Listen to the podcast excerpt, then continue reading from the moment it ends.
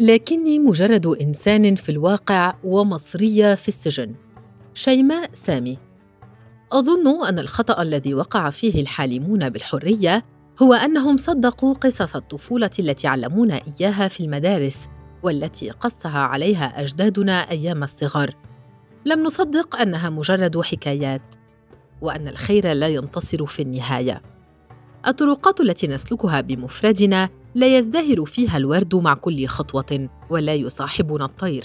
الطرقات التي نقرر أن نسير فيها وحدنا يغمرنا الخوف وترتعد مفاصلنا وتصاحبنا آلام الضربات طوال لياليها. وفي نهاراتها نشعر بالوحدة وترافق عقلنا أنغام الموت الحزينة.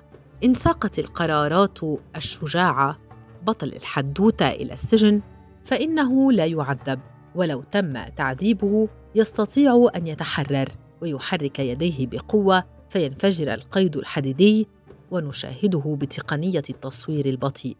ثم يذهل الجلاد ويفتح عينيه وتتسع حدقتاه وهو يشاهد البطل يهب واقفا ليتمكن من مغادرة الزنزانة وهو يدفع كل شخص يقترب منه ويتفادى الرصاص بحركة سريعة. لكن في الحقيقة لا يحدث هذا كله. حينما سجنت كنت أتخيل تلك المشاهد وأشعر بالحسرة لأني لست بطلة في إحدى تلك القصص ولكني مجرد إنسان في الواقع ومصريه في السجن. يداي في القيد لا أستطيع أن أنزعهما أو أن أخضع للجلاد الذي يخرج حرا لبيته ويسير في الشوارع بحرية بينما أنا في هذه الزنزانة الضيقة المظلمة. وحين سأخرج لن أجد العالم يرحب بي مثلما كان يرحب أهل المدينة بالبطل في الحدوتة. سأجد بعضهم خائفا وبعضهم يقول أني خائنة أو إرهابية. سأجد بعضهم لا يهتم وبعضهم يحذرني من أن أعيد الكرة. وسأجد آخرين في نفس صفي والقيود تهددهم أو تكبلهم. في الحكايات ينتفض الناس الأخيار جميعا ضد الأشرار والبطل الشرير واضح دائما. قبيح أو يرتدي الأسود أو يظهر بشكل مخيف يقبض الأنفاس. في الواقع لما واجهت الشر وجدته وسيما وأنيقا يعرف كيف يختار كلماته كما يختار مكان ضرباته ويحترف اللعب بالأعصاب كما يحترف كرة التنس في ناد اجتماعي شهير. الشر مرموق يحبه الناس ويتبعونه بأنظارهم بإعجاب ويتمنون لو يقتربون منه. الشر في واقعي لا يرتدي زي الخراف وإنما يرتدي زي الراعي. وأنا لا أعلم ماذا أرتدي. لا زي الخراف أقبله ولا زي الذئب يناسبني. في واقعي أظل عارية إلا من ثوب المطاردة فهو يصاحب الحب والاستقرار والعمل. تساقط الوجود من ثنايا العدم. تساقط كأوراق الخريف من على الشجر.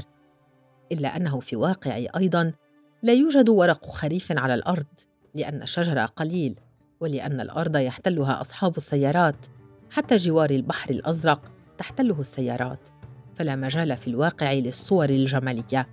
في حكايات الطفولة كان البطل قويا وسعيدا دائما ولكني في واقعي فقدت السعادة عندما وثقت بحكايات الطفولة. أصبحت بلادي ضعيفة وأصبحت أنا أيضا ضعيفة. أرى هشاشة مستقبلي وألاحظ أحلامي تسخر مني وتمد لي لسانها من خلف حائط إسمنت تعلوه أسلاك شائكة. أذكر كلماتي على حائط الزنزانة. كتبتها بقلم مهرب من أسفل الباب. أخشى أن أخرج من السجن ولا يخرج السجن مني وأن أعود إلى حريتي فلا أجدها. كانت مفارقة مضحكة أن أفشل في محاولة الموت حين فشلت في محاولة الحياة. رأيت أن الفشل لا يليق بي ولكني حينما قررت أن أحيا وأقاوم لم أصبح بخير ولا بسلام ولا بأمان. حبكة القصص التي سمعناها في صغرنا لابد أن نعيد صياغتها حتى لا ينخدع بها أطفال آخرون.